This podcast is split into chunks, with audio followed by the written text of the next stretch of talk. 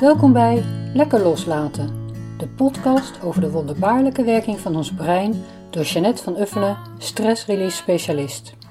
In deze podcast hebben we het over makkelijkere manieren voor het oplossen van psychische en lichamelijke problemen. Stress is hot, maar is het nodig? En wat kun je er zelf aan doen? Om te beginnen, hoe makkelijk is bijvoorbeeld tapping? Wat zijn de ervaringen met tapping en wat zijn de resultaten uit wetenschappelijk onderzoek? Voor mensen die al van alles geprobeerd hebben en die bereid zijn om dat wat ze geleerd hebben weer los te laten.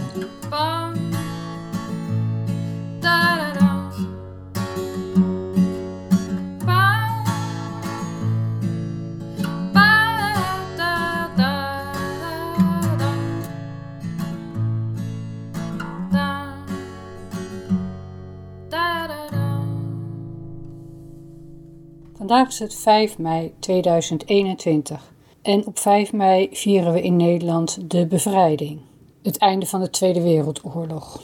Het is de vraag een beetje op dit moment hoe vrij zijn we, maar dat terzijde. Ik denk de laatste tijd heel vaak aan Paul de Blot. Zijn volledige naam en titel was professor Dr. Paul de Chauvigny de Blot. Maar zelf gaf hij volgens mij niet zo heel veel om die titels. Dus hij hield het zelf altijd kort en stelde zich gewoon voor als Paul de Blot. Van Paul heb ik veel geleerd. Paul de Blot overleed op 15 december 2019 op 95-jarige leeftijd. En ik heb hem zo'n 15 jaar geleden voor het eerst ontmoet. En werd geraakt door hem, door zijn verhaal, door hoe hij was, door hoe hij overkwam.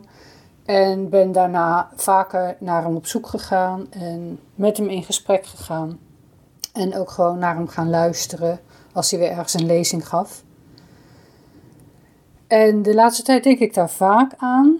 Hij is geboren op 15 mei 1924 in Kutowinangun in Indonesië.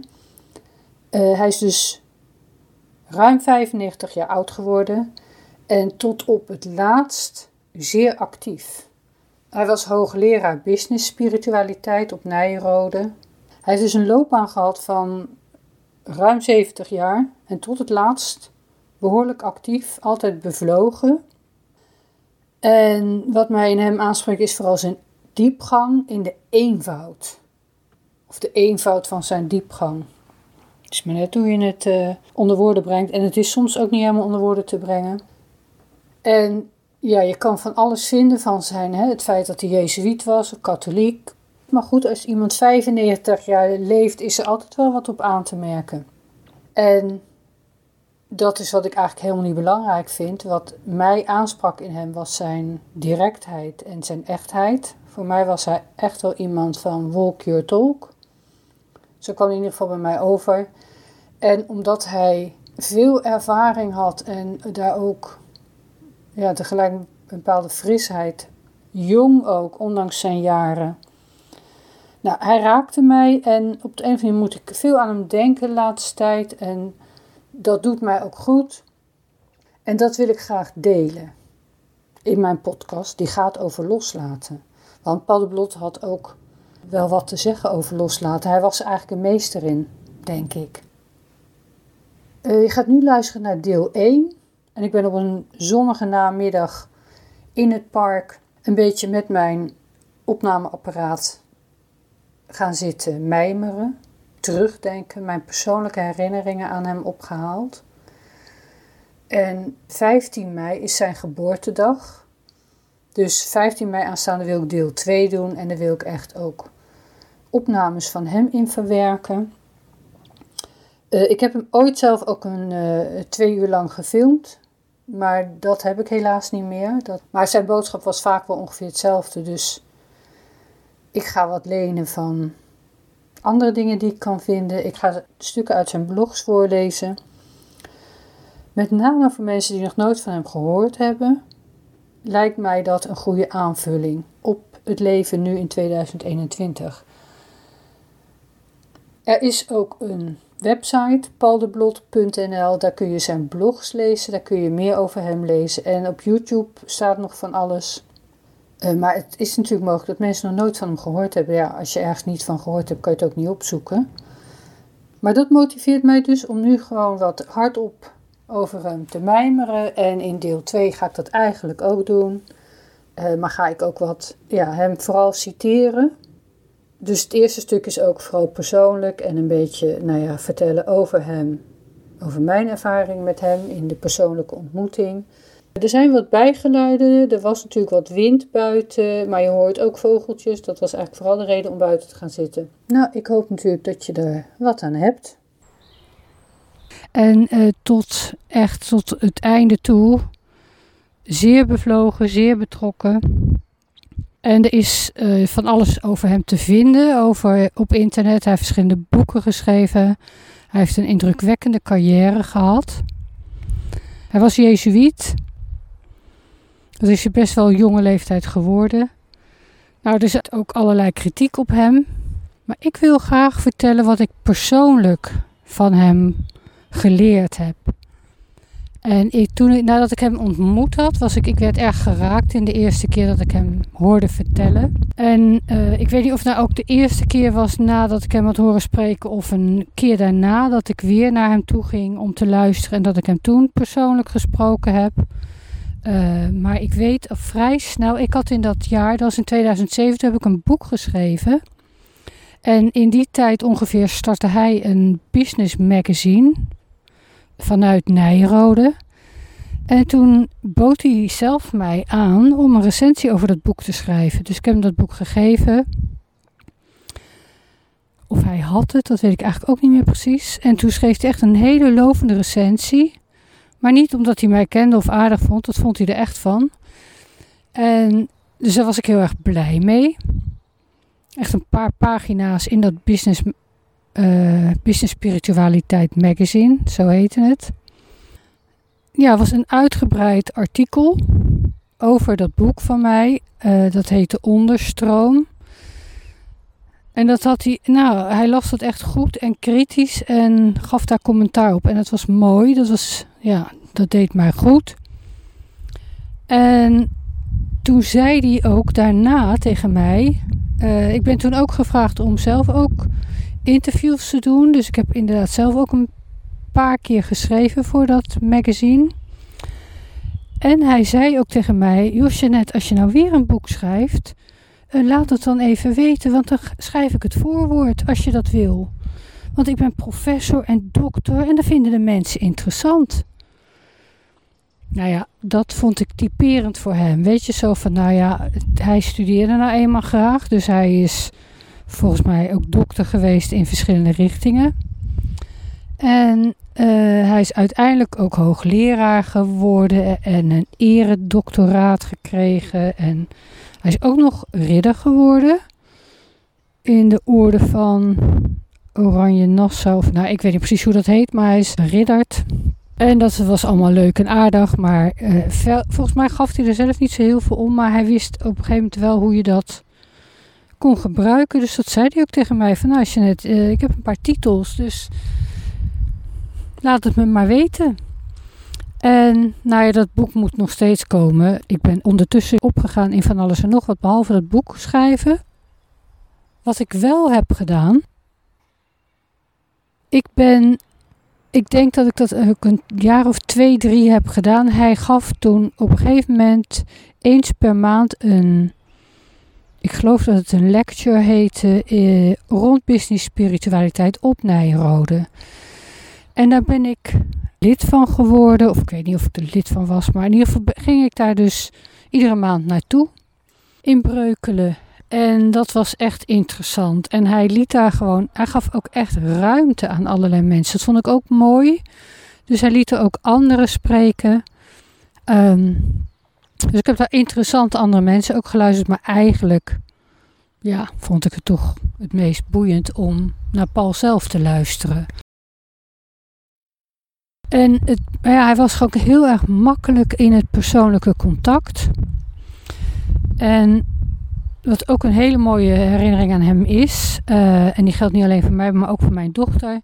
Zij was een jaar of veertien en toen moesten ze voor school een project doen. En toen was de opdracht om te gaan praten met mensen die de oorlog hadden meegemaakt. Nou, toen is mijn dochter in, uh, heeft daar oma voor gevraagd, mijn moeder. En toen zei ze, weet jij misschien nog iemand? En toen zei ik, nou, Paul de Blot heeft ook een interessant verhaal. Dus toen heb ik dat aan hem gevraagd. En toen zei hij, ja hoor, kom maar. En gewoon ook, volgens mij uh, twee dagen nadat ik hem vroeg, maakte hij daar tijd voor. En ik heb dat toen gefilmd. Nou, dat heb ik helaas heb ik dat niet meer. Mijn dochter mocht er geloof ik maar één minuut van gebruiken in haar project op school. Want ja, die hele klas moest presenteren op één avond. Dus dat moest allemaal kort en snel, maar het, was voor haar wel heel waardevol. Dus hij heeft uitgebreid verteld over zijn ervaring in de oorlog. En dat was ook precies het verhaal wat mij raakte de eerste keer dat ik naar hem luisterde. En wat ik hem vaker heb horen vertellen. En je kunt het ook op YouTube nog opzoeken. En hij is ook nog een keer in dat programma geweest bij de Icon is het geloof ik. Um, nou, dat zou ik even moeten opzoeken. Ook een programma over, nou ja, uh, waar geloof je in en waarom ik het dus nu over hem wil vertellen, een van de dingen die hij zei. Dus hij heeft, voor wie Paul de Blot niet kent, hij is soldaat geweest in het Nederlands-Indische leger. Hij is volgens mij zelfs commando geweest.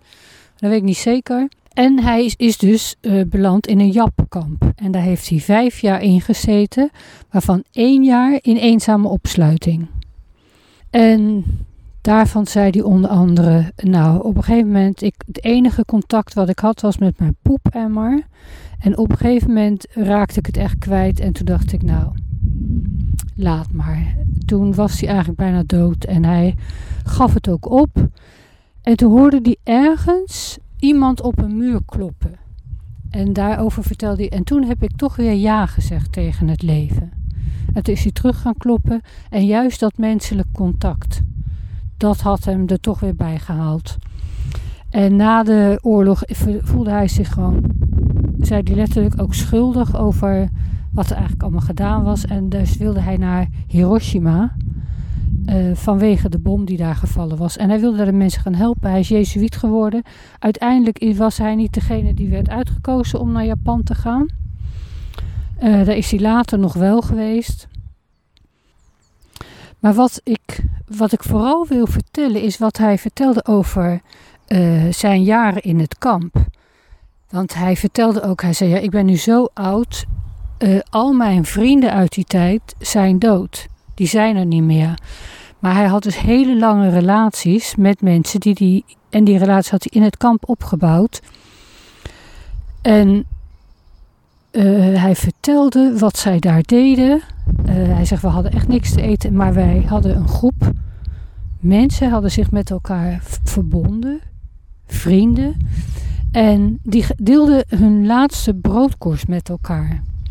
En hij zegt: ik, Hij vertelde: Ik heb grote mensen zien binnenkomen, grote mannen, maar die vochten om een broodkorst en die haalden het niet. Die zijn allemaal dood gegaan in dat kamp. En wat zij deden, die kleine groep die hij had, uh, zij hadden bedacht om iedere avond, als ze klaar waren, ze werkten natuurlijk in dat kamp en uh, het was hard werken, weinig eten, uh, ongezonde lichamen. Maar wat zij deden, is iedere avond dat zij hadden, die tijd dat ze vrij waren en bij elkaar konden zitten, gingen ze elkaar lesgeven.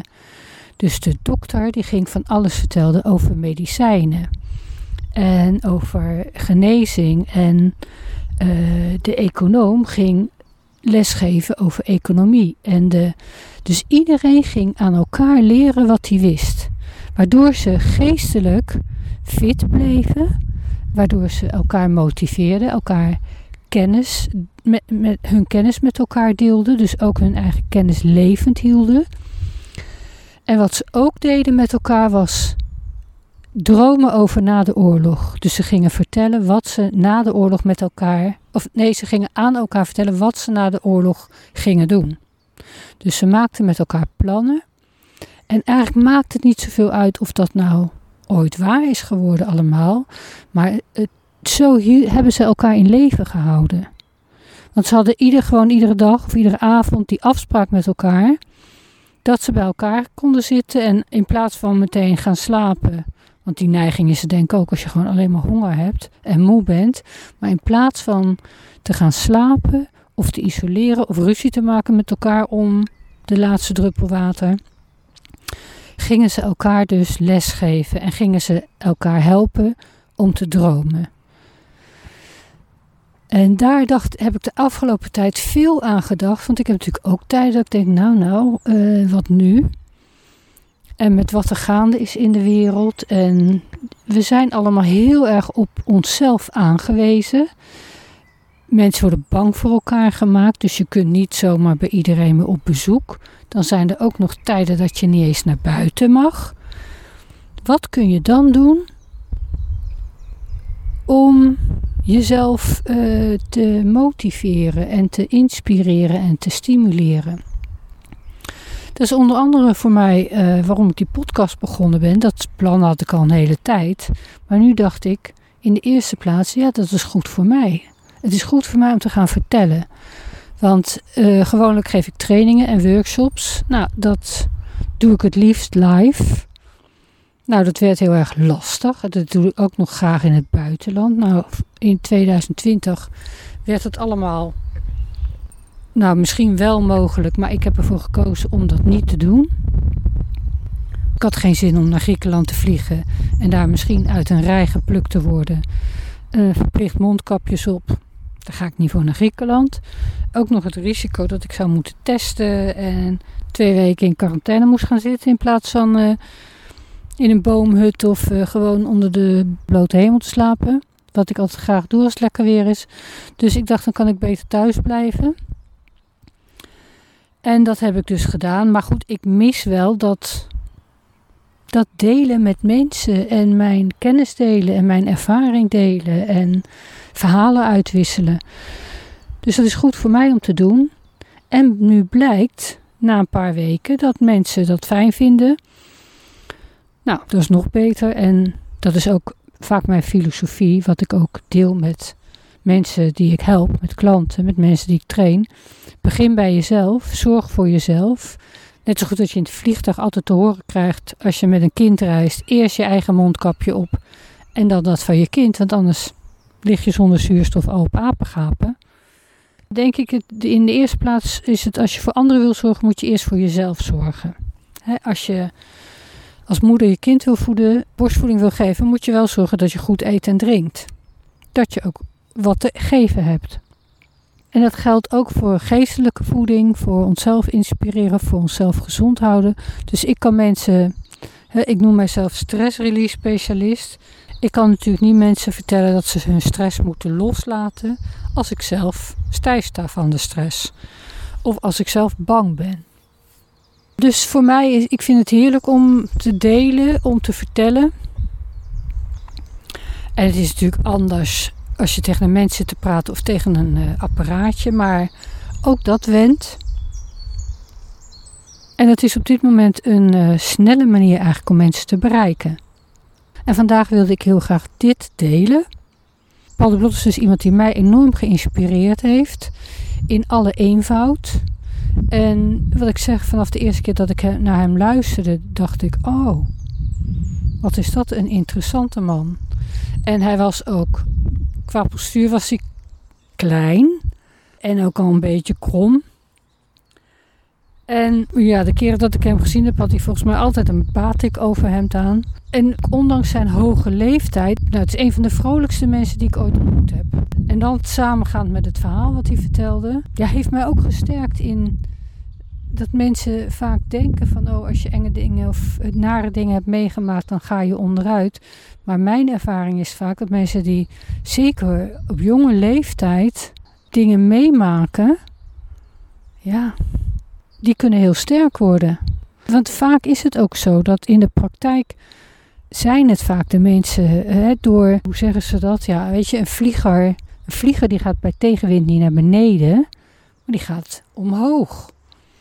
Uh, Nietzsche zei: Als het je niet doodmaakt, maakt het je sterker. En dat is gewoon waar. Wat jij loslaat, kan jou niet vasthouden. En je moet verder. En je moet je nooit laten tegenhouden door de dingen die je hebt meegemaakt. Het verleden is voorbij. kun je niet meer terugdraaien, maar je kunt het wel herzien en loslaten. Letterlijk en figuurlijk. En het, ja, het verhaal zelfs gebruiken. Ik bedoel, Paul de Blot heb ik zo vaak dit verhaal horen vertellen over zijn uh, kampverleden en wat hij daarvan geleerd heeft. En ook hoe hij van mensen houdt en mededogen. En het was een felle hoor. Uh, het was echt een hele felle man. En daarom vonden mensen hem soms ook gewoon heel erg irritant. Maar ja, hij stond wel ergens voor en dat vond ik gaaf. En ook dat felle vond ik uh, leuk. En tegelijk ook die, enorme levendigheid en vrolijkheid in zijn ogen. En heel erg betrokken bij kinderen. En hij heeft zelf uh, nooit kinderen gehad.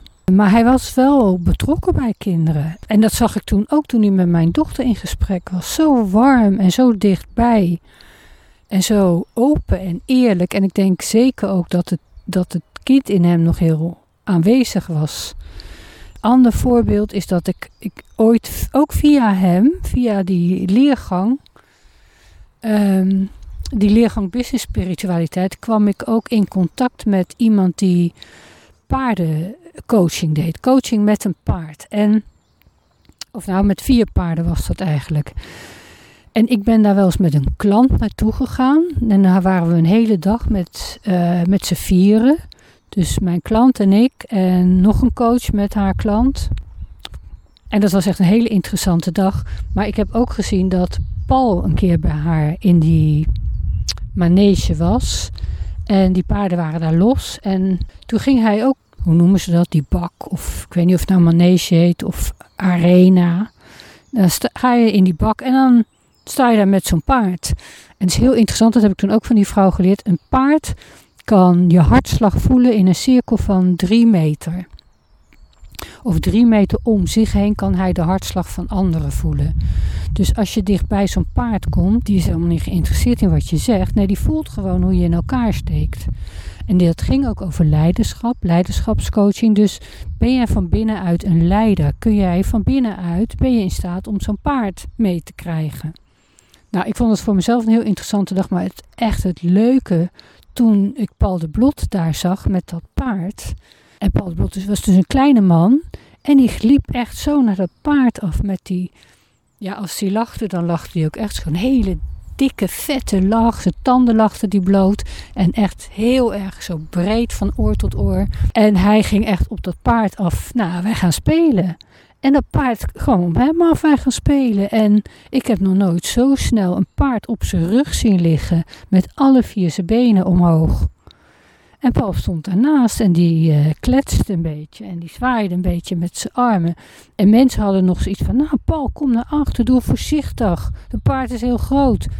Maar had zoiets van: Joh, waar gaat dit over? We zijn lekker aan het spelen. En dat paard was gewoon dat was echt zo ontroerend om te zien. Die ging meteen op zijn rug, of op haar rug, ik weet eigenlijk niet. En alle vier de benen omhoog kwispelen, met dat hoofd bewegen. Zo van nou, dit is leuk. Echt kinderen onder elkaar. En dat vond ik ook zo tekenend voor hem. Want dan vertelde hij ook nog aan mij van ja, ze vonden nog dat ik voorzichtig moet zijn, maar het was gewoon hartstikke leuk. Ja, zo iemand. En zo iemand had ik zoiets van nou, al is die 200 jaar oud, ik wil leren van deze man. Dus ik heb hem vaak opgezocht en op een gegeven moment liep dat een beetje uh, spaak met die, ging het niet meer door. Uh, stopte Nijenrode ook ergens weer met, uh, met dat, kon dat niet meer georganiseerd worden. Uh, later heeft hij wel weer wat anders gedaan daar. Maar goed, dat stopte. Maar in die twee, drie jaar dat ik dat gevolgd heb, heb ik echt veel van hem geleerd. En nou ja, wat ik zeg, dat is, wil ik eigenlijk vandaag meegeven. Ga dromen. Ook al voel je je nog zo beroerd. Oh ja, en dat is ook eigenlijk waarom ik hier aan dacht en waarom ik dit wil delen. Uh, ik vraag, hè, nu ga, hebben we het over van ga je je laten testen of ga je je laten vaccineren. En dan zeggen mensen, ja, uh, dat vaccin, er zit waarschijnlijk rotzooi in. Ik geloof ook niet in al die besmetting. Maar ja, als ik dat niet neem, dan mag ik niks meer. Dus ja, ik ga het maar doen, want dan kan ik vliegen. Of dan kan ik zonder mondkapje. Nou ja, wat ik nu zie is dat mensen, en dat wordt ook gezegd uh, vanuit de overheid, en de berichten zijn gewoon iedere week anders, maar ja, als je gevaccineerd bent, wil dat nog niet zeggen dat je geen mondkapje meer op hoeft. Als je gevaccineerd bent, is echt niet eenmalig. Nee, dan moet je volgend jaar weer, of misschien wel twee keer per jaar, net als de griepprik. En, allemaal, en mensen hebben dus heel erg het idee van: oh, maar ik mag straks niks meer.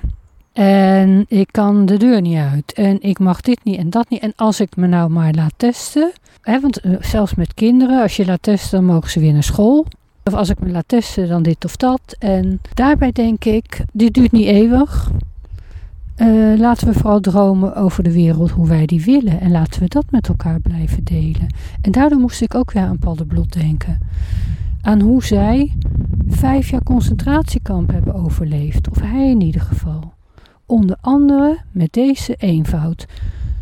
Die eigenlijk niet zo eenvoudig is, maar eigenlijk is het dat wel als je het doet. Heel simpel. Blijf dromen.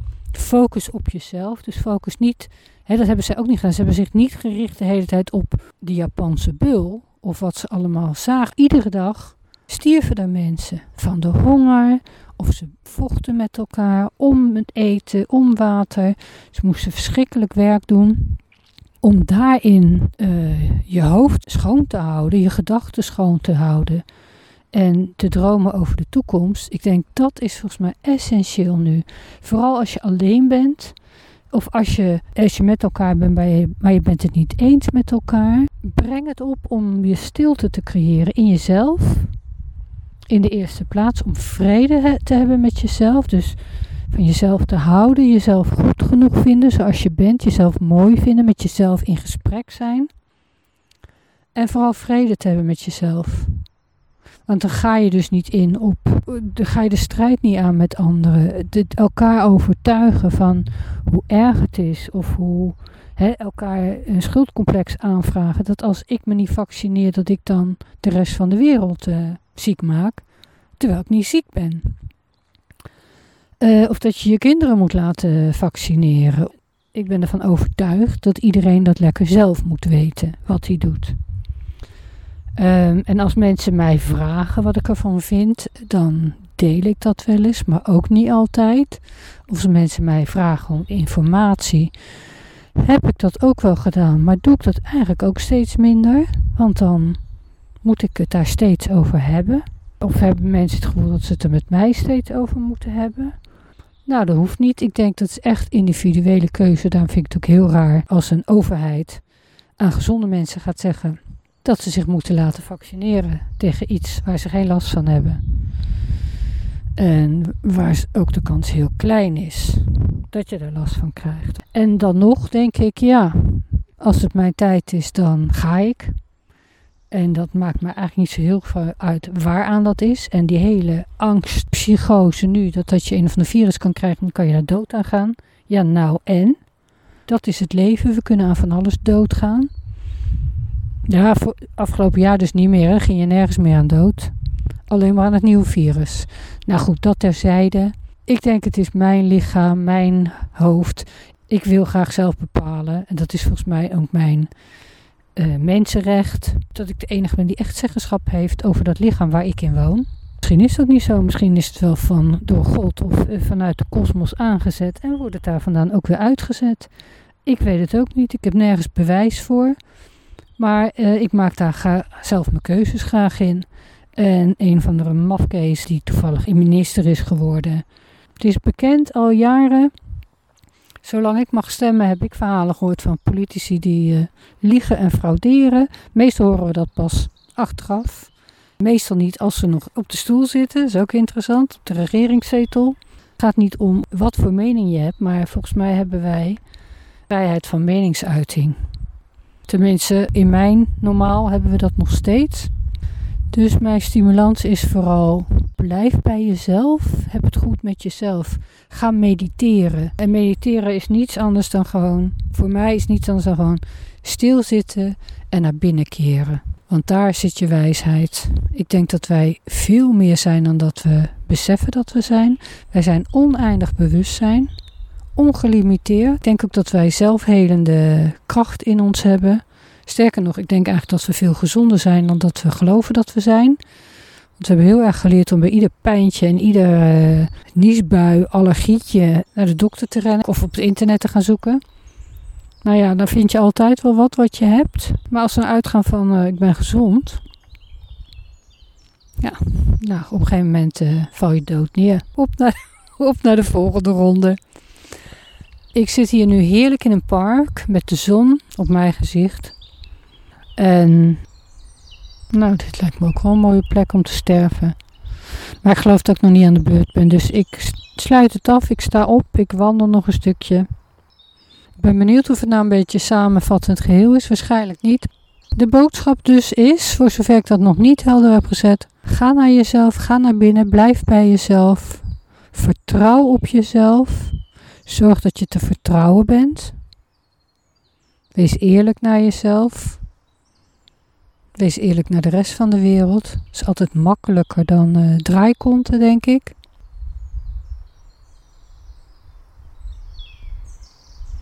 En luister maar eens even naar wat voor een prachtige omgeving ik hier eigenlijk zit.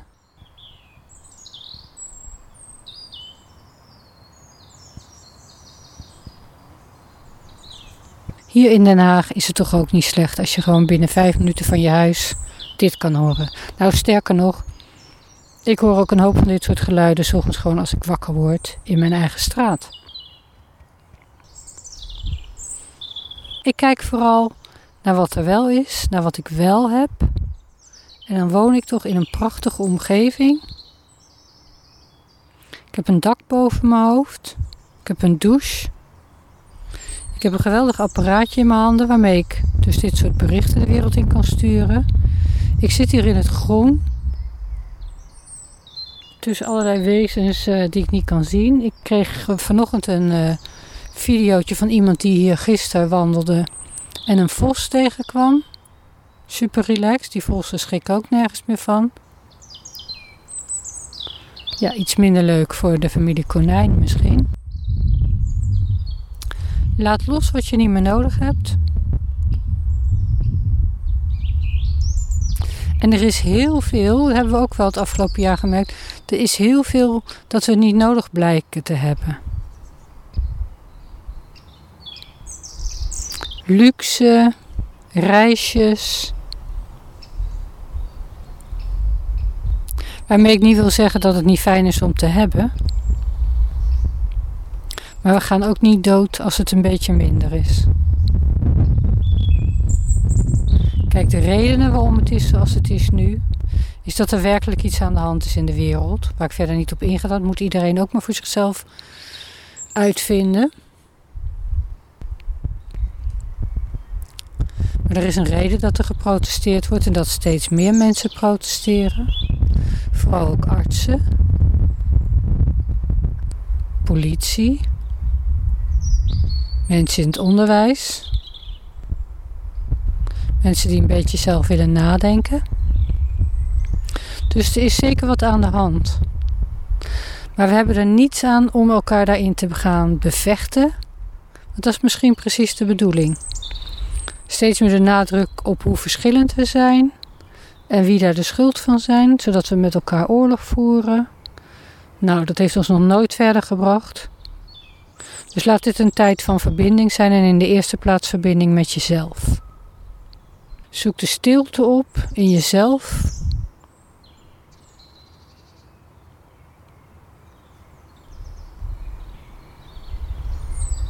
Kijk wat minder vaak op je telefoon. Zit wat minder vaak aan je computer of aan je televisie. Zoek de natuur op.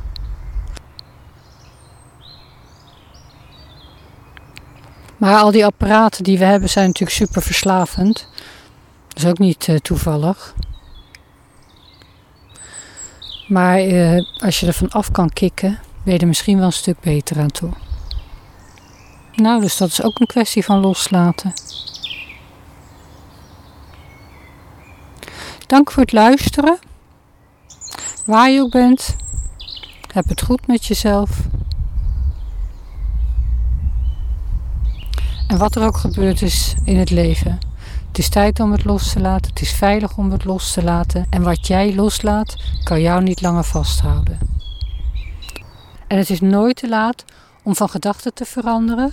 Zelfs niet over jezelf, over je eigen leven. En vandaag is een nieuwe dag. Met nieuwe kansen, met ruimte voor verandering. Superleuk dat je geluisterd hebt. Hartelijk dank daarvoor, mede namens iedereen die heeft bijgedragen aan deze podcast. Ik hoop natuurlijk dat het je iets makkelijker gemaakt hebben, want daar doen we het voor. Luister nog even naar een paar belangrijke dingetjes. Wil je meer horen? Abonneer je dan op deze podcast. Volg hiervoor de instructies in de app waarmee je nu geluisterd hebt.